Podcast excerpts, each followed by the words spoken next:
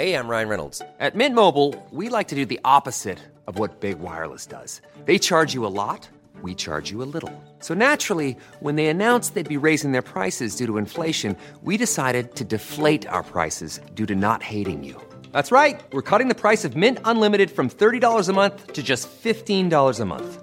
Give it a try at mintmobile.com slash switch. $45 upfront for three months plus taxes and fees. Promo rate for new customers for limited time. Unlimited more than 40 gigabytes per month. Slows. Full terms at mintmobile.com.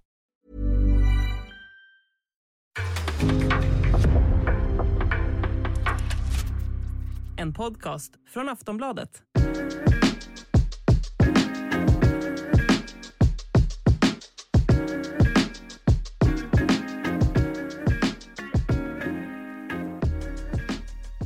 Allsvenska podden är tillbaka och direkt med lite breaking news. Eh, jag, eh, Daniel Kristoffersson och Linn Nordström. Åge Hareide eh, är klar som tillfällig tränare för Malmö FF. Han kommer att ta över direkt nu och ska väl leda träningen idag som jag fattar det. Och Johan Flink, vår kollega, skrev ju att han kan leda laget redan mot Braga på torsdag. Det här var ju lite, piggar ju upp att Åge Hareide är tillbaka. En tränarlegendar får man säga i, ja framförallt eh, norsk tränarlegendar men även i allsvenska sammanhang. Han hade ju en extremt framgångsrik tid i Malmö 2014-2015 när han tog dem till två Champions League-gruppspel, matcher mot PSG, SM-guld och ja, eh, jag tror inte det är många Malmö-supportrar som är glada åt att han eh, återkomsten av HG, eller vad säger du Linn? Ja, eh, det känns väl som en jättebra lösning för eh, Malmö FF i det läget där de befinner sig nu. Eh, och sen får man ju också, okej okay, att de har säkert arbetat där under, eh, under några veckor, men det är ändå en riktigt bra lösning att få till så här snabbt. Ja, verkligen. Samtidigt tycker jag det känns som en lite paniklösning ändå. För tittar man på... Men paniklösning vad... var väl Georgsson först? Det var ja, precis. paniklösning 1. Ja, exakt, men då får man säga att det här är paniklösning 2 för då tänkte man så här att Diegorsson skulle ta över till eh, säsongens slut och sen så tittar man på vad hette det, ordförande Paulssons eh, intervju här som man publicerades på hemsidan i går eller i förrgår och sånt där och gjordes i fredags så får man känslan av att han menar på att de var inte alls speciellt långt fram i den här äh, tränarrekryteringen utan att man har börjat sonderat en lista men att ja, de inte har börjat träffa kandidater än. Och då tror jag i alla fall att man inte hade en tanke om att ta in två interimtränare, att Georgsson, att någon skulle ersätta honom. Men jag tror att kanske de här resultaten som Georgsson inte har fått med sig har bidragit till att man vill ha in en ny lösning, en ny interimtränare. Och kanske också att man dels inte vill bränna ut en tränare som ska vara sportchef sen. Det kanske blir fel om han bara ska liksom, ja, fortsätta förlora och förlora och där ser man en risk. Och sen så kanske man även tog in de här spelarna som menar på att det kanske inte har varit så bra på träningen. Eh, och det är liksom de uppgifterna får ju en, ännu mer styrka nu med tanke på att ja, två interimtränare var väl länge sedan klubb hade så här på så här kort tid får man säga. Mm. Vad är din eh, bild av eh, när du har träffat honom? Nej, men han är ju asskön. Han har auktoriteten. Han har, eh, jag menar erfarenheten. Han har spelarnas respekt. Jag menar, det är inte för inte som Isak Kiese var väl ute för en vecka sedan och sa att han ville ha en Åge Hareide typ liksom. Mm. Jag menar, är väl en av de mest respekterade tränarna vi har i Skandinavien med tanke på att han har de, han har de framgångarna han har haft med eh, inom norsk fotboll. Han har varit dansk förbundskapten. Han har tagit Malmö till två Champions League-gruppspel eh, i rad. Och sen gjorde han så att de försvarade SM-guldet också eh, Eh, 2014. Så att nej, men det är väl en drömlösning för Malmö. Och jag menar, det känns också som han har allt att vinna. Eh, med tanke på att han har ju haft en del erbjudanden, framförallt under pandemin sa han ju.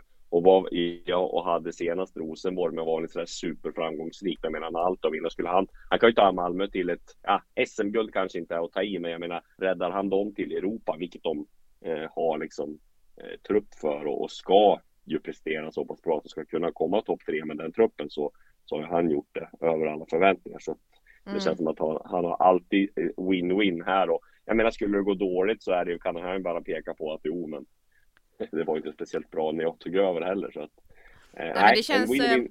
ja precis, eh, när Kristelin ute och säger en sån sak och sen så tar man in en en så stor och kraftfull eh, tränare som har varit i klubben tidigare och skördat framgång och att man får in den eh, energin som han har också för att han har ju också en aura runt sig. Som jag kommer ihåg när man har träffat honom som man eh, sugs Verkligen. in i. Så att eh, det kan säkert bli jättetrevligt. Malmö möter alltså Norrköping på söndag hemma. Ja. Ja, det borde väl vara, visserligen sprattlade Norrköping till här och vann mot Hammarby som var imponerande men Ja, där var jag igår kväll. Ja, precis, men jag tror ändå liksom att eh, på hemmaplan på, eller på gräs liksom, jag tror att det är nog en, en bra match för, för Åge och startare på. Jag ska komma in på, på matchen lite senare, men vi kan först bara ta lite grann om eh, det allsvenska silly season-fönstret som, som stängde här, eller allsvenska fönstret har stängt, men många av de internationella fönstren, inte alla, men många stängde ju här i, i torsdag, så vi hade en fantastiskt rolig silly season-sändning, mm. eller deadline day-sändning. Eh, och vi gick igenom en del där, bland annat Armin Gigovic som var, gick till Odense blev officiell, mm. Birman Sevic blev officiell till Toulouse. Eh, och där får man ju säga att Malmö blir försvagat ändå med tanke på hur bra han var, men de fick ju en bra slant där, närmare 40 miljoner netto tror jag det var. Så att det, det får man väl, kan man svårt att tacka nej till, framförallt om han vill vidare också. Men om de hade legat annorlunda i tabellen, vad tror du hade hänt då? Nej, då tror jag de stått emot. De hade legat i toppen och de hade varit och till exempel varit i, och, och varit i, i Champions League gruppspel, då hade de ju aldrig släppt den. Men jag tror att när man såg nu att man SM-guldchansen eh, är borta i princip Eh, om man, man har ett Europa League eller Europa i gruppspel. Men sen menar jag på också att hade Birmancevic presterat så bra som han har gjort över han, har ju väldigt, han var ju väldigt ojämn får man säga. Visst, han har haft sina toppar, då har han varit kanske en av alla bästa spelare. Men samtidigt har han varit ganska ojämn och varit bänkad i en, en del också. Så, att, så jag tror inte man var helt bombsäker på att han skulle kunna hålla den där jämna nivån, höga nivån som han har höjt. Så att det är klart att, eh, nej, det var en ganska bra försäljning ändå jackpot också att Toulouse som har haft lite ekonomiska problem fick väl in nya ägare tidigare och sen så fick de in 8 miljoner när de sålde en, en annan ytter så att det var bra för Malmö att få en slant för honom. Helsingborg får man säga blir försvagat, försvagat när Gigovic går till, till Odense då, men Björn Westerholm och Andreas Alm vet ju vad de får in där i, i Gigovic. Så. Uh, och sen på tal om tränare och så skrev vi att Andreas Benson hade sagt upp sitt kontrakt och att han kan komma och lämna Mjällby efter säsongen. Eh, det bekräftar de också, men eh, och gick ut på sin hemsida och meddelade att han har sagt upp kontraktet och att det var en utländsk klubb som hade som hade gjort en förfrågan då, men det var ju Röda Stjärnan som vi skrev om att de ville ha dit honom omgående. Och det bekräftade ju Brännström för Petra Thorén här i, här i eh, går, när, efter matchen mot Blåvitt. Och eh, det blev Poya Asbaghi där istället som tar över eh, som assisterande när de inte fick Brännström. Så att att Milos ville ha någon svensk var väl ganska väntat och då blev det väl Poja efter Brännström. Lite roligt är att eh, Poja eh, får ett jobb som Brännström också var aktuell för. Han var ju aktuell för IFK Göteborg en gång i tiden och var väl precis klar när, när Blåvitt ändrade sig och tog Poja istället. Så att historien upprepar sig. Hm. Vad är det några vi... övergångar som inte blir av som du eh, fortfarande tänker på? Eh, ja, men det var ju en del övergångar som blev av som vi pratade om också. Dels var det ju ehm, eh, Leo Väsenen till FC Zürich förhandlades ju in i den näst sista dagen, men där hade dels varit ett möte med med Väisänen om att han skulle stanna, att de inte ville släppa honom, så det blev inte av. Eh, vi hade Oskar Jansson som tror jag var aktuell för Sivaspor faktiskt. eh, men där kom, ville väl Norrköping inte släppa honom för de hade, fick, väl in, fick inte in någon ersättare. Eh, det var ett par övergångar till som inte heller blev av, som var på gång men som jag inte har i huvudet. Jo, men Jonathan Levi var ju på väg till israelisk klubb. Men mm. inte så här i slutet av fönstret, men där blev det ingenting. AIK budade på honom också, men där var det ju att Norrköping inte ville släppa honom till allsvensk klubb då. Men där tackar ju Levi själv nej till, till budet från Israel. Och sen så var det Jakob Ortmark som hade intresse på oss från, Ber från Bercheva i Israel. Samma klubb som Astrid Selemani, men där var ju också Tony Martin som sportchef tydlig att de släpper inte Ortmark nu då. Så att det var en del järn i elden där i slutet men som inte blev av. Vad tänker du kring att eh, Norrköping inte släppte Levi? Nej men vänta såklart, det, de, det är ju inte pengarna det sitter i för Norrköping och det skulle jag aldrig göra om jag hade det. De är en av allsvenskans rikaste klubbar. Och eh, det glömde jag säga också, man får väl ge Brännström också, för det sa han också till Petra Thorén att han, eh, lite på tal om Levi, han sa att jag vill aldrig bråka mig bort från Mjällby liksom. Mm. Eh, och jag tänker och det, det gjorde han inte. Det, får, det, kan, det hade han ju kunnat gjort med tanke på att tränarna kan ju bara säga upp sig. Ja, han hade bara kunnat lämna uppsägningstid. Ja, precis. Samma sak med Jonathan Levi. Han bråkade inte heller och låg på och tryckte på för en övergång. Så att det är lite samma där att Ja, men sen hade det varit jäkligt coolt att se Levi i AIK. Det hade ju Mm. varit spelar typ exakt som de behöver. Kan spela på kanten, kan spela centralt, offensiv. Ja, det hade varit klockrent. Och, nej, så lite synd ändå får man säga. Det hade varit en övergång som hade piggat upp allsvenskan ändå. Mm, mm. Det känns också som att han alltid lyfter sig. Alltså om han hade spelat i AIK så tror jag att han hade haft ytterligare en nivå i sig. Ja, lite så känns det. Men du, om vi går på, vi lämnar silly season för, för nu då, så går vi på matcherna. Du är precis hemkommen. Där får jag faktiskt, där får jag faktiskt säga precis, för det blev en sen, sen natt för er. Ja. Ni, ni tog en liten omväg från Mm. Norrköping till Stockholm. Hur Mm. man nu lyckas göra det. Mm. Via, Men och, du, och sen hittade vi äntligen ett McDonalds och så var det stängt. ja, Ja. tungt. Så kan det Nej, gå. skit i det. Det var en jävligt Ja. rolig match i alla fall. Ja, det var det. Du, eh, Norr, eh, alltså 4-1 till Norrköping. Mm. Riktigt det resultatet hade man inte kunnat se på förhand. Eh, framförallt eh, inte som matchinledningen blev heller. Eh, berätta lite grann om dina tankar kring matchen.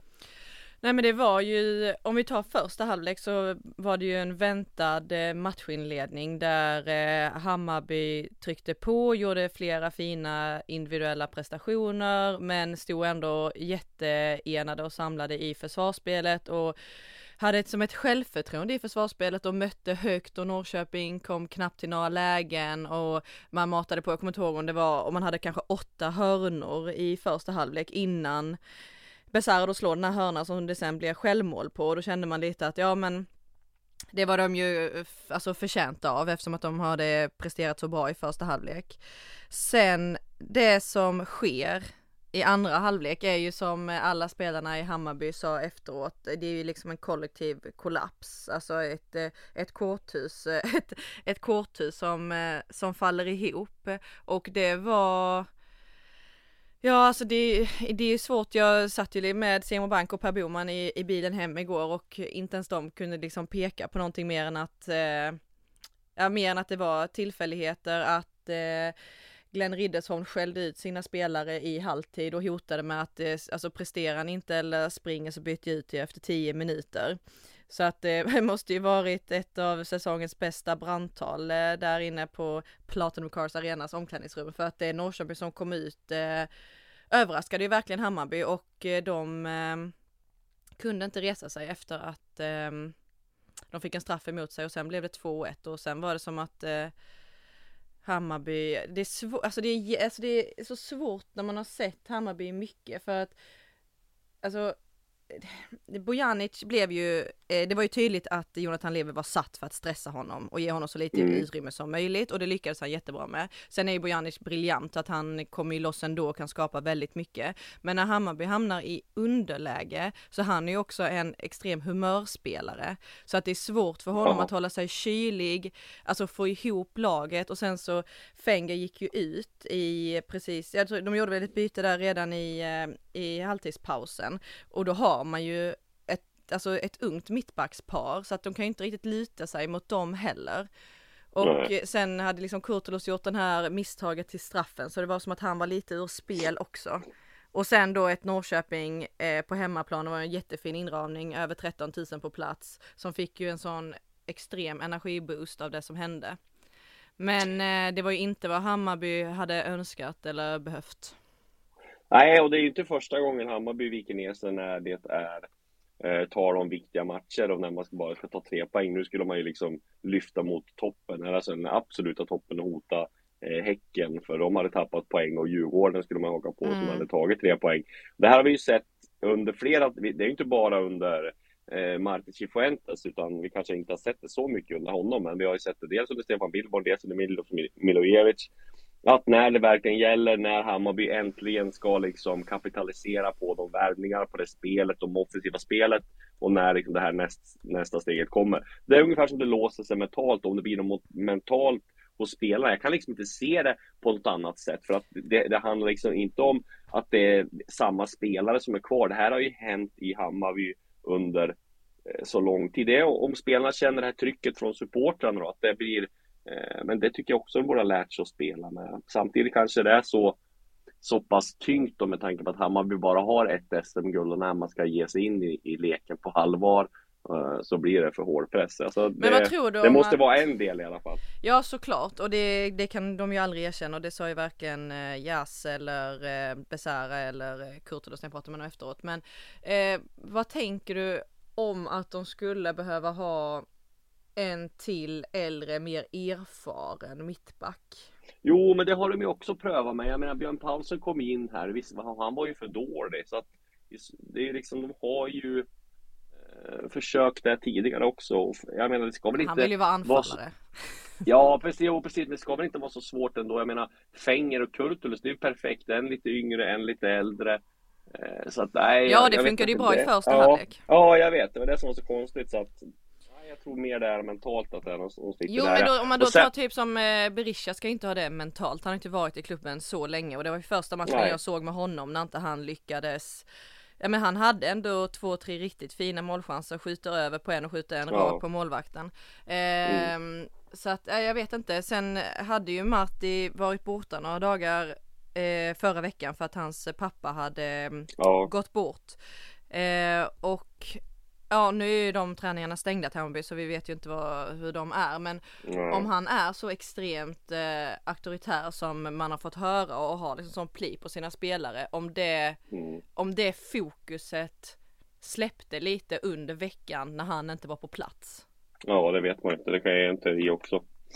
Samtidigt får man säga att han har i alla fall alla fått alla förutsättningar när det gäller spelare och värvningar att de ska vara med och slåss i alla fall Mm. topp tre. Så kommer de inte med i topp tre nu så är det ju ett re- rejält misslyckande får man säga med tanke på hur mycket de har satsat. Och de har ju extremt tufft spelschema nu, tre matcher framåt. Ja. Och då kanske man behövde den här käftsmällen för att vakna till liv då. Sen ska vi också Ja. alltså verkligen berömma Norrköping som eh, Mm. går ut, alltså de har ju också en jättepress på sig. Alltså hade de förlorat nu så hade de ju varit liksom neddragna. Inte, nu är det ju tre lag som är mycket sämre men det hade ju varit extremt Exakt. jobbigt för dem inför den här Ja. hemmapubliken. Och Riddersholm har ju fortfarande inte vunnit i eh, allsvenskan innan eh, segern mot Hammarby.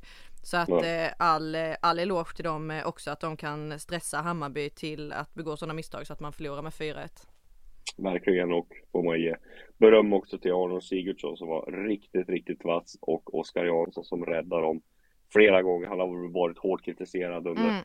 sin, flera perioder i sin tid i Norrköping men gör ju två riktigt vassa räddningar som räddar matchen när det står 1-1 där så att, eh, eller Jon- 2-1. Ja och Jonathan. Levi var ju, han sa ju det här, han var ju mer vänsterback liksom än vad han var Ja. eh, med i, i det offensiva spelet. Fick ju, drog på sig ett gult kort när han skulle bli utbytt också för att de tyckte att han eh, att han fördröjde tiden. Men eh, Mm. ja, han är ju eh, retlig men ligger på, på rätt sida gränsen där i alla fall. Ja, precis.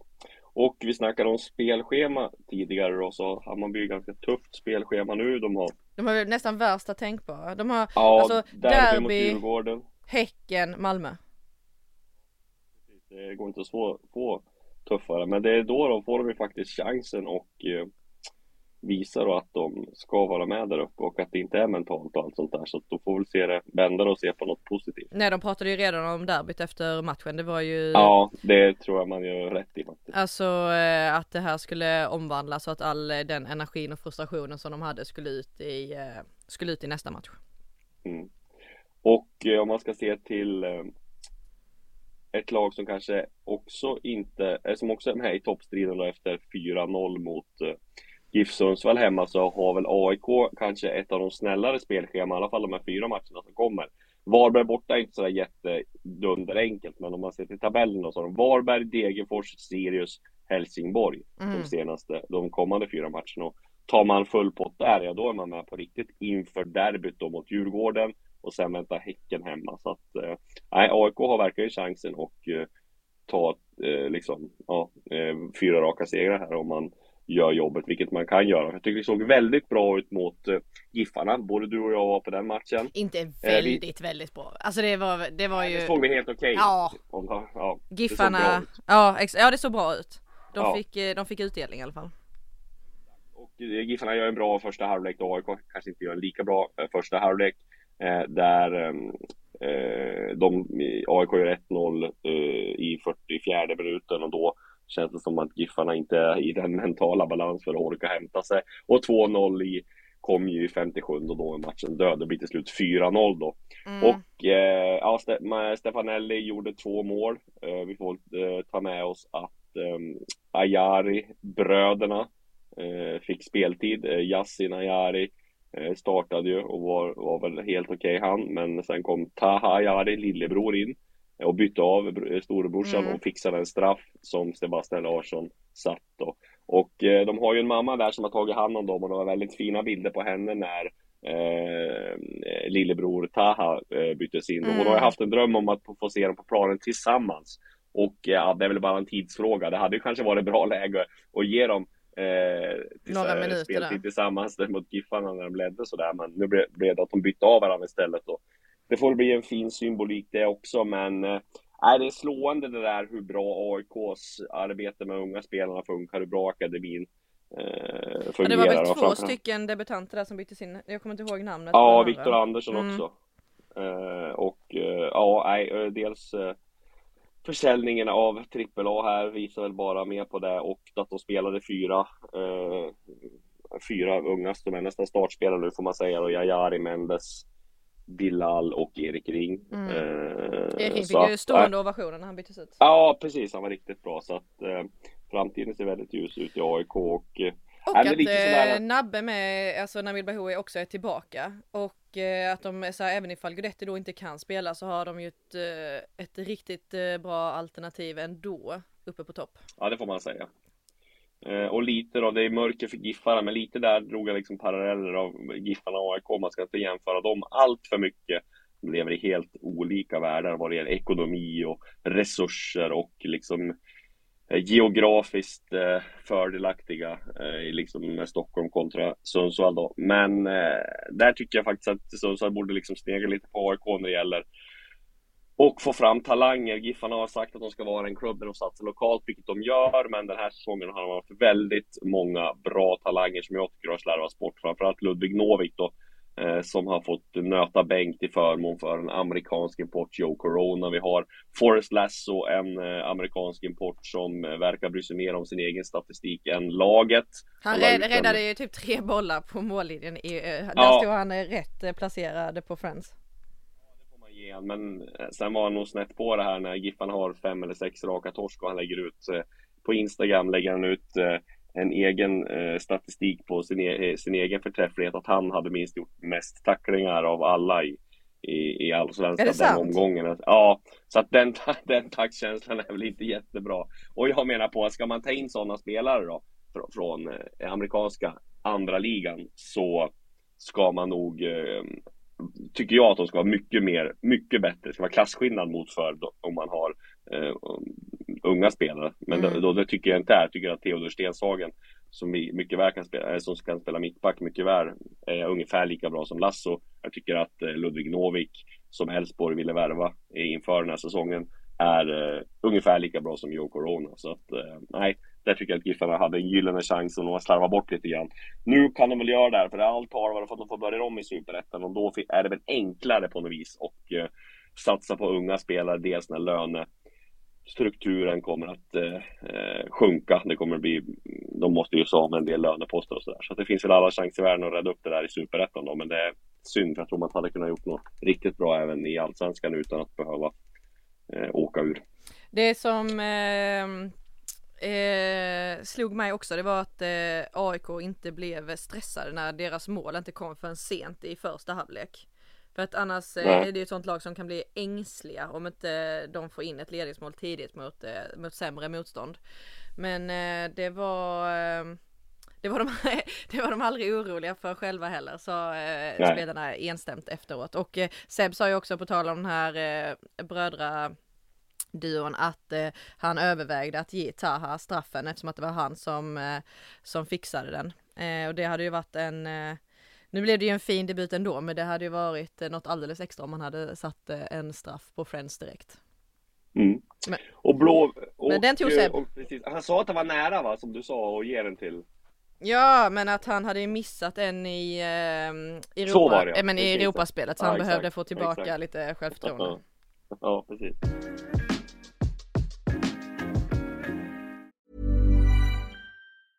Life is made up of many gorgeous moments. Cherish them all, big and small, with Blue Nile. Whether it's for yourself or a loved one, Blue Nile's unrivaled selection of expertly crafted fine jewelry and statement pieces help make all your moments sparkle. Blue Nile's experts are on hand to guide you, and their diamond guarantee ensures you get the highest quality at the best price. Celebrate a life well lived in the most radiant way and save up to 30% at BlueNile.com. That's BlueNile.com. Ja, om vi går till nästa match då, eh, där eh, Blåvitt, eh, körde över Mjällby fullständigt. Så där ska vi ha med oss Gustav Norlin eh, som gjorde två mål eh, senare, så vi ska inte prata allt för mycket om den matchen.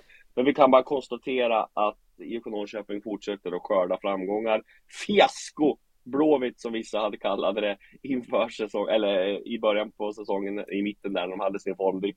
Är nu två poäng före Malmö och har hängt på topp tre. Så att eh, det är imponerande jobb som, som de har gjort och framförallt då är det ju, tycker jag, eh, imponerande att se Johan Bångsbo. Jag tror att han kommer vara med i landslaget väldigt snart. Kanske inte nu till Nations League, men om några samlingar nästa år. Alltså han är väldigt, väldigt bra vänsterfotad mittback som har en eh, väldigt fin passningsfot, bra blick för spelet redan och spelar väldigt moget. Så att nej, där har Blåvitt ett rejält försäljningspotential. Och Mjällby måste ju varit eh, tagna över alla skriverier som var förra veckan. Alltså, det kän- då hade det känns de max släppt in två mål i en match eh, eh, den här säsongen va, innan eh, Blåvitt. Eh, och så släpper man in fyra stycken nu. Det är ju det är väl klart Och ändå att så, ändå spelarna på lista match också blir påverkade. Vad sa du?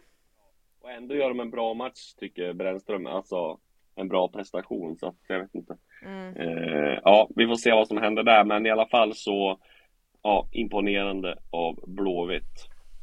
Och sen då vi är kvar på, på västkusten så får man ändå säga att Elfsborg sprattlade till mot självaste Malmö. Den såg man inte komma. Nej. Först och jag förlorade de tycker- ju då i Svenska Cupen mot eh, vad- Ja, Oskarshamn. Oskarshamn ja. Mm. Jimmy Thulin eh, ligga risigt till eh, med tanke på resultatraden. Men så gjorde ju Micke Wagner, vår kollega, en intervju med Stefan Andreasson där han be, tydlig, var tydlig med att han hade fullt förtroende för Jimmy Thulin och att de trodde vad han eh, gör och allt vad han satsar på och sådär i träningsväg. Och jag tror ju knappast att det var en slump att på e- i Elfsborgs eh, sociala medier och Instagram så var det liksom Jimmy Thulin som filmades in där under hela liksom, han gick till laget så där så var de med, det här, nästan som en Jimmy Cam när de gick in där och så firade de och, Zlatan-cam. ja, precis och hurrade för seger så det är klart att nej det klippet sa allt av vilken Fan vad du är stark på sociala medier. Ja, det är inte många klipp eller eh, eh, Joe Corona eller Lasso eh, uppdateringar som går dig förbi. Nej. Nej, där, där är man stark, känner man. Men, eh, det får man säga att eh, det var nog mest lättnad för honom tror jag. Nu, nu får, får nog, eh, eh, även fast de hade en, en bra banderoll, eller en rolig banderoll med något rim som jag såg Per Frick hyllade, så eh, rimmade. tror jag att Jimmy Thelin blir kvar säsongen ut. Det kan vi slå fast redan nu efter seger mot Malmö. Mm. Var det där Och i, ja. i spelarbussen hem som de eh, ringde till Åge och bara nu, nu får du Ja. Det känns så, helt ärligt, så känns det lite faktiskt att nu måste vi göra någonting åt det här. Vi kan inte ha det så här Alltså, längre. gå in, gå in, ring Åge. ja, gå in Ring i telefonboken och bara så, Ja. mm, vad har vi för nummer här? Ah, Åge. Ja, fint. Ja, det blir bra. Malmö har mycket att jobba med eh, om de ska reda upp den här säsongen i Allsvenskan och vi får säga att de har vunnit cupen och i, har gjort det bra i Europa. Eller hyfsat i alla fall. Eh, en annan som gör det väldigt, väldigt bra och som jag inte tror spelar i Allsvenskan 2023, det är Marcus Antonsson. Ny show eh, mot Helsingborg på Finnvedsvallen. Tre mål och varav hans eh, hattrick kom i den absolut sista sekunden där de bärgar segern. Och ja, det är imponerande att man han gör det här i, det är nästan, nästan mer imponerande att Marcus Antonsson öser på i ett Värnamo än Jeremejeff gör, fast Jeremejeff gör det också fantastiskt. Kan Malmö ringa där eh, också? Ja, precis. Det måste man ha gjort för ett tag sedan nu när det är stängt. Men nej, där eh, får man säga att han har fått en, en rejäl revival, Antonsson. Och eh, ja, men alltså Värnamo som jag tror är för bra för att bli indragna i, i bottenstriden på allvar. Jag tror har man en sån där striker som Antonsson så kommer det vara det som fäller avgörande att de spelar i Allsvenskan även nästa år. Extremt tungt för Helsingborg som var nära att ta en viktig poäng där, men som kammar noll. Och ja, just nu så ser det ut som, med tanke på att Degerfors tog en poäng mot Häcken, så håller jag Degerfors som lite starkare också. Jag tycker att Helsingborgs, eh, till exempel Alfal Falseta som varit speciellt bra, jag tycker deras nyförvärv också, eh, undantaget Abbe Khalili, inte har liksom levererat när de har kommit in. Och, ja, de har gjort en del, eh, de här anfallarna som värvar in i och för sig har gjort det rätt bra, och gjort en del mål, men ja, vi får se där vad Helsingborg kan, kan reda ut. De, det blir inte bättre av att Gigovic lämnade heller. Så att just nu ser det ut som Giffarna och Helsingborg åker ut och blir korta sektioner Mm. i Allsvenskan. Eh, vi går vidare till Djurgården då, som vi har pratat om Djurgården väldigt mycket eh, och deras lagbygge och sådär. Eh, men du kan konstatera att de gjorde jobbet borta mot Sirius. Det var väl ingen snack om saken. Det var lite skönt gnabb mellan Tolle och Daniel Bäckström efteråt. Eh, när Tolle menade att de hade total kontroll, som Hasse Backe hade sagt. Mm. Men det ville inte Daniel Bäckström köpa och det blev lite Vilken gnabb där. möjlighet att vi skulle förlora det här. Nej, precis. Eh, så att eh, där var det ju också ganska, ja, jag kan konstatera att Gustav Wikheim gjorde mål igen, hans form fortsätter.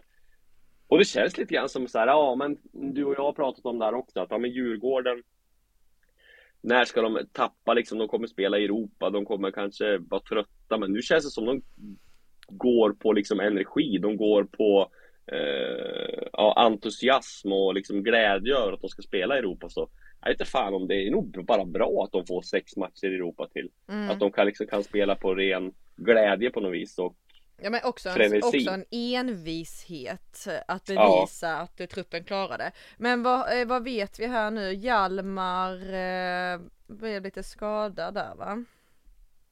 Ja, jag har inte hört något eh, definitivt besked där, men att det skulle vara allvarligt. Men, Där ja, han klev av. Nej, och det är ju några dagar till eh, derbyt så att eh, de Ja. kan ju återhämta sig. ja, precis. Men det blir ju ett extremt intressant derby på söndag. Ja, det blir det. Verkligen. Mm. Det, det blir det verkligen. Det finns många. Skulle Hammarby torska där då kan vi säga, då känns det ju väldigt mörkt på SM-guldet. Så att Djurgården Ja. kan ju i princip spela bort Bayern från SM-guld. Mm. Jag tror inte Bayern är nöjda med 1-1 heller. De måste nog gå för det. Nej, Så de det måste ju vinna. Bra De, match. De måste det bli en eh, bra match. Eh, de står väl som hemmalag eh, också. Ja, så det det, kommer kan nog bli en riktigt bra match. Den ser vi fram emot. Mm. Och övrigt från den här omgången då Kalmar vann med 1-0 mot Varberg, inte så mycket att säga om. Häcken tappade poäng är ju Eh, Häcken tappar poäng mot Ja. Degerfors, det är anmärkningsvärt. Alla som har trott att nu kommer, nu kommer, nu kommer dippen för Häcken. Mm. Eh, den har inte kommit först nu då. Och det var lite oväntat, det kom just mot Degerfors där i sista, sista sekunden. Men eh, ja, viktig poäng för Degerfors och ah, det är svårt att se att Häcken skulle liksom klappa ihop ändå nu. Det känns som att de är för stabila för det, att de kommer med en, ända in i det sista. Men lite Jag måste kolla deras ändå. eh, spelschema. Vad har de nu? Nu ska de åka till Kalmar på måndag. Det är ju ingen lätt bortamatch. Nej, det är ju svårt faktiskt. Ja, och sen har de Hammarby hemma. Och sen har de Ja. Varberg. Ja. Nej, det är eh, ett rätt, hyfsat tufft spelschema då för Häcken. Men de har ju bevisat att de klarar av eh, alltså tuffa bortamatcher också. Så att eh, Ja, exakt. Det känns som att eh, nej, nej, det är spännande. Det är det två matcher till, eller två omgångar till innan det är landslagsuppehåll eller? Ja, precis så är det. Mm. Har vi spaningar? Har vi några spaningar från den här omgången? Min Eh. spaning tog jag här med Jimmy Thelin och Instagram och uh, Georgsson och hur pressade de är. Ja, min spaning var att de hade ju kvar- kvartssamtal, som vi säger. Vi Mm. överdriver lite grann här, men de pratar ju med supportrarna där, där både Georgsson var framme och eh, AC lagkaptenen var framme, Martin Olsson, Felix Beijmo. Det där är ju mer, det är ju väldigt vanliga scener det här, den här säsongen att liksom, ja, mm, något topplag förlorar och det var ju till och med så att GIF Sundsvall hade kvartssamtal med sin klack efter förlusten mot BK Häcken. Mm, Det är ju mm. kanske, som vi sa, fel match att ha kvartssamtal för, eh, efter liksom. Men eh, ja, vad säger vi? Missnöjda Malmö-supportrar såklart. Eh, och nu får de hoppas på att Åge kommer in och lyfter det här bygget. Mm, ja, det var ju Hammarby supportrar som lämnade eh, parken tänkte jag säga igår också innan eh, slutsignalen. Men det förstod ju alla spelarna eh, intervjuerna efteråt att de eh, hade gjort dem väldigt besvikna. Ja, precis. Spaning, jag måste eh, tänka, det var ju, ja men det, alltså det man verkligen tar med sig eh, som var fint, det var ju eh, Mamma Ayari på läktaren och Ja, eh, sen eh, hade ju eh, AIK Ja, men Norrköping hade fint tifo va? AIK, ja precis de hade jättefin tifo och att det var över 13 000 eh, sålda förköpsbiljetter där och sen blev vi ju överraskade av att AIK hade ställt dit ett godisställ till pressfolket på Friends. Ja jäklar ja. Det var smågodis. Ja det, Det var ruggig skärmoffensiv från marknadsavdelningen där i AIK. mm, de tyckte att eh, det behövdes eh, pumpas in lite eh, glädje. Bejublat koncept också. De vann med 4-0 så att det kanske Mm. fortsätter. Mm. Mitt, mitt skämt om att det var Gottoms idé. Precis. Det är två plus ungefär. Tyckte jag. Gottoms idé.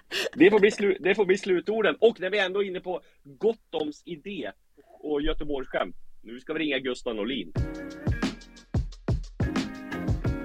Ja bra, då har vi Gustav Norlin med oss eh, i Allsvenska podden. Välkommen hit Gustav och jag antar att det är ett eh, glatt humör på dig efter stor seger mot Mjällby igår. Berätta lite grann. Eh, jo, det är väldigt bra. Man ska inte klaga. Eh, nej, men som sagt, eh, som vi sagt tidigare, det är inte lätt att åka till, till Listerlandet och komma iväg med alla tre pinnar, men det, det löser vi på ett bra sätt. Ja, nej, det är man, eh, då får man må lite bra. Ja, precis. Nej, men det är en tuff bortamatch och Mjällby har varit bra här. Vad skulle du säga om du berättar lite grann om matchen? Vad var det som gjorde att ni, ni vann? Nej, det är väl att vi är, jäkligt effektiva i första halvlek. Eh, och vi, vi spelar bra liksom på, på våra styrkor. Vi, vi lyckas kontra in. Det är väl nästan tre bollar förutom Bångsbos eh, van Basten-mål där. Men eh, den, gör man sådana mål så behöver man inte kontra in bollarna. Nej, men första halvlek väldigt bra och sen spelar vi väl mest av matchen i andra skulle jag vilja säga. Så det var en, en bekväm resa. Ja, precis. Och jag tänker på dina mål då. Berätta om eh, ja, första och andra målet. Ja, första är väl lite, lite Pippo Inzaghi-mål. Ja, roligt trevligt att göra sådana också faktiskt. Och andra är bra, bra aktioner från, eh, från Emil och Mackan. Och så jag vara tungan på vågen där med. Så två tappins, men som sagt, de räknas, räknas de med. Och det är nästan skönare att göra sådana mål ibland. ja precis. Om du skulle berätta lite grann om dels ja, säsongen för dig då. Vad, vad säger du när du sammanfattar så här 21 omgångar in? Den har, den har varit okej. Sen är det klart att man, man vill ha mer hela tiden. Nu, jag har varit lite in och ut liksom och det har inte blivit så jättemycket kontinuitet. Men samtidigt så är det mer, mer spel för mig än vad, vad det var året där innan och framförallt nu på senare tid. Och när poängen kommer också så, så mår man ännu bättre. Så som sagt, formen känns uppåt både, både för mig och för laget. Så just nu känns det bra i alla fall. Vad skulle du säga att du har tagit för steg den här säsongen i din personliga utveckling?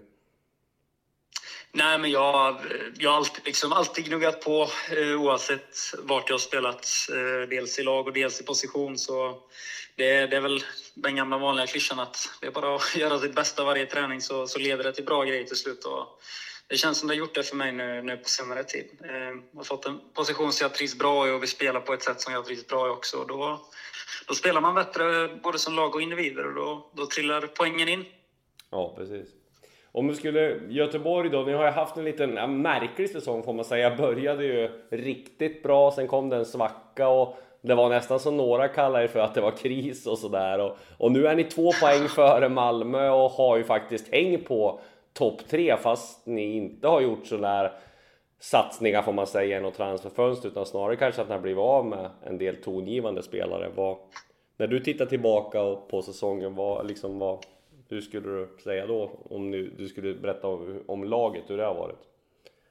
Ja, man kan väl säga att det går fort i hockey i alla fall. Det händer, händer grejer. Nej, men det är som du säger. Det, vi har väl eh, brustit lite i vår kontinuitet. Vi har haft bra perioder där vi, där vi vinner två, tre matcher och sen har vi en, en tuffare period eh, istället för att jobba vidare och kanske jobba in ett kryss där och, och vinst nästa. Så det, det har väl varit vårt primära problem. Sen eh, som du säger med truppläget, vi, vi haft, jag tycker vi har haft en bra trupp hela året och borde kunnat fått ut ännu mer av den kanske, men eh, som sagt, nu gjorde vi försäljningar i somras och, och nya spelare har kommit in och gjort det fantastiskt bra. Så Eh, som sagt, jag tycker ändå nivån har varit bra hela tiden. Sen eh, är det ju det att man måste, måste ta tre poängarna. Det, det är de som räknas liksom och det, det, visar sig i slutet på säsongen. Och kan vi fortsätta att göra det som vi gjort nu eh, på senare tid så, så kan det bli ännu roligare. Ja, tittar man tillbaka då historiskt så har ju de senaste säsongerna, man gått 5-6 år tillbaka, har ju inte IFK Göteborg varit med och slagits i toppen av tabellen. Men ändå har man haft de här kraven på sig från supportrar och att man ska vara med i toppen. Nu känns det som att Håkan Mild har kommit in och har fått lite stabilitet. Micke Stare kan klubben och sådär. Hur skulle du beskriva läget i, i, i klubben just nu? Jo, men det, det blåser positiva vindar kring Blåvitt, eh, helt klart. Eh, som du säger, det, det är inte värdigt Blåvitt att vara med i en, i en bottenstrid eller, eller ligga på, på den undre halvan av tabellen. Vi ska, vi ska vara där uppe och kämpa om Europaplatser och i absolut eh, bästa fall om, om, om allsvenska guldet. Men, men som du säger så känns det som att de högre hönsen har fått, fått ordning på skutan. Och då vill det till att vi, vi som är nere på pitchen gör vårt jobb också och jobbar in trepoängarna både för dem och för våra fantastiska supportrar. De har ju, varit, de har ju stått där i vått och torrt och det här året har de ju varit helt fantastiska både på hemma och bortaplan. Och då, då känner man att man vill ge tillbaka och som sagt eh, kan vi få in de här jävla trepoängarna så blir det kul både nere på plan och uppe på läktaren. Så eh, det, det är ju det vi, vi går för, helt klart. Vad skulle du säga supporternas stöd har betytt? Och förklara lite mer vad du menar med att de var extra viktiga i år, eller extra supportande.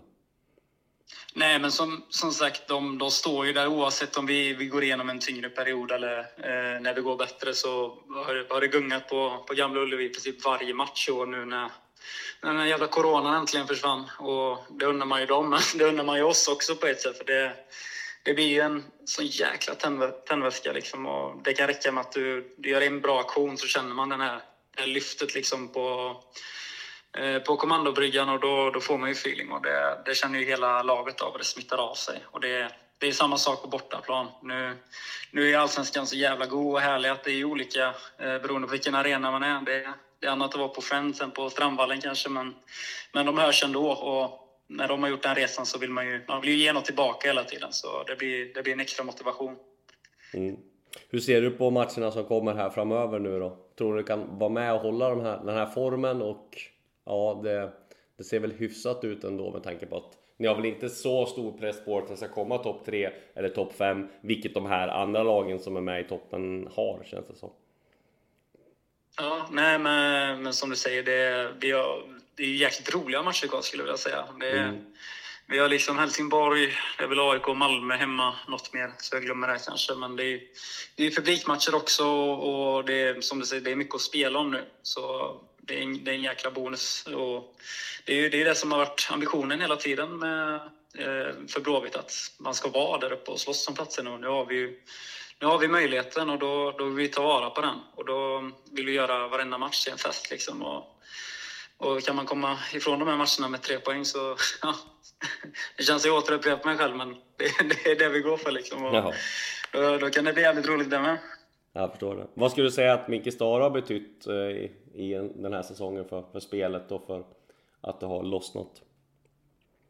Uh, nej, men det är jättemycket. Han, som sagt, han, han står ju för samma saker egentligen som han gjort eh, ända sedan han kom hit. Och det, det, är liksom, det är grunderna som behöver göras först innan du kan, du kan börja slipa på resten. Och nu, nu känns det som grunderna har satt sig ordentligt och då, då kommer liksom de individuella kvaliteterna fram och det, det är ju det han har, han har förespråkat hela tiden. Så det är klart att han har betytt jättemycket för, för sättet vi, vi spelar på och hur vi vill bedriva fotboll i IFK Göteborg med det moderna retrot som man gärna säger själv.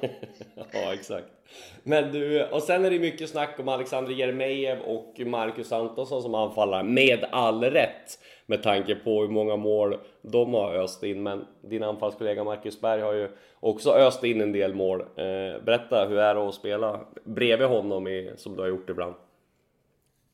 Nej, alltså det, det är en ynnest att få, att få spela med en så bra spelare. Eh, som du säger, det blir ofta, ofta rubriker kring, kring de som gör mest mål, men man får inte glömma liksom vad, hur mycket en spelare kan betyda. Dels i spel och dels utanför plan och liksom, eh, nere på träningsplan också. Eh, hur, hur man agerar och hur man är mot andra människor och hela den biten. Och där är ju Mackan helt, där är han helt otrolig. Eh, jag vet att jag har berömt honom mycket, mycket det här året, men det, det, det har han tjänat rätten till att, att få, tycker jag, av, av hela fotbollssverige. För det, det är en fantastisk spelare och en, och en fantastisk människa. Så det, det är en gubbe man unnar, unnar allt här i livet egentligen. Och som sagt, det är jättekul att spela fotboll bredvid honom. Ja. Till sist då, du, fick, ni sa, du, du sa att ni fick två dagar ledigt här, liten överraskning av eh, tränare Stare. Vad gör du på den ledigheten? Bra fråga. Jag bokade precis bilservice på Mekonomen, så roligt liv har jag liksom. Det... okay. Vad är det som är fel? Vad är det som är fel? Ja, den gick inte igenom besiktningen, du vet. Det är stora problem här i livet just nu. ja, då är det bara att kämpa så på. det är väl det som är det primära fokuset. Så, ja. så kul har jag. Ja, härligt. Ja, men då önskar vi lycka till med bilen och att det löser sig så att du kan köra bil till, slipper cykla till träningen. Ja, fy fan, det orkar jag inte Nej, men stort tack för att du ville vara med Gustav och vi, eh, vi hörs nog mer framöver. Ja, det gör vi. Tack själv. Hej.